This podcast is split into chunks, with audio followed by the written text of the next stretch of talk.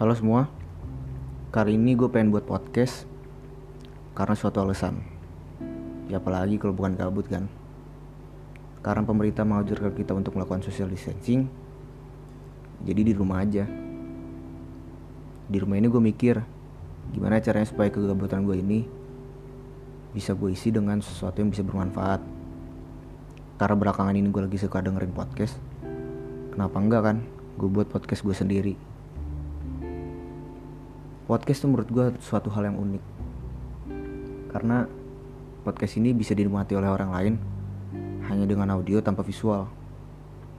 Podcast ini bakalan gue isi Dengan cerita-cerita gue Atau mungkin cerita-cerita teman gue Dan gue bakal buat ini menjadi unik Bareng teman-teman gue